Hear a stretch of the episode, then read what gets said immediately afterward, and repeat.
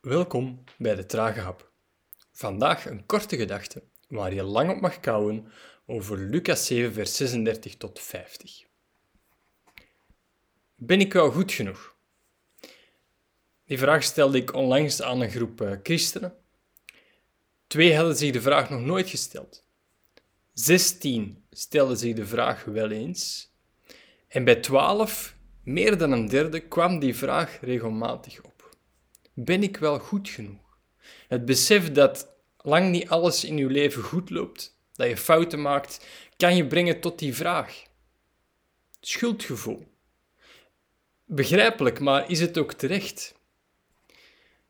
In dit verhaal is Jezus te gast bij een fariseer voor een maaltijd.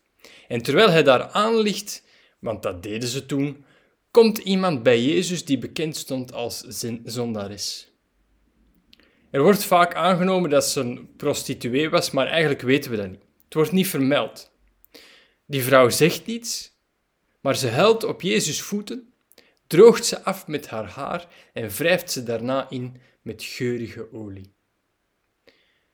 Die vrouw stond, zoals ik al zei, bekend als zondares.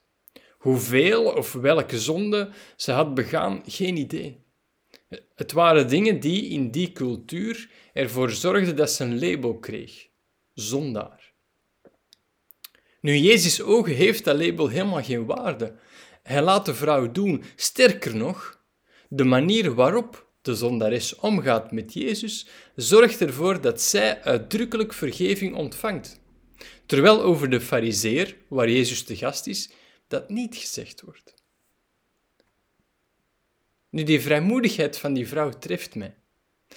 Ze durft het aan om tot bij Jezus te komen in het huis van die fariseer. Dat moet zo'n beetje het hol van de leeuw geweest zijn voor haar. En misschien heeft ze zich thuis voor ze vertrok wel honderd keer bedacht. Misschien was het een opwelling, we weten het niet.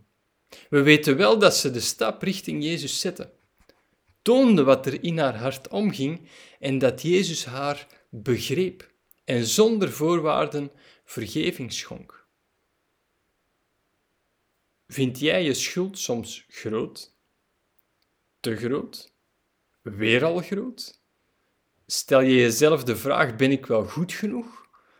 Wel, laat die vragen maar liggen waar ze liggen. Jezus gaat daar niet op in. Je mag tot bij hem komen. Wel, dan mag je vandaag nog wat verder opkouwen. Smakelijk.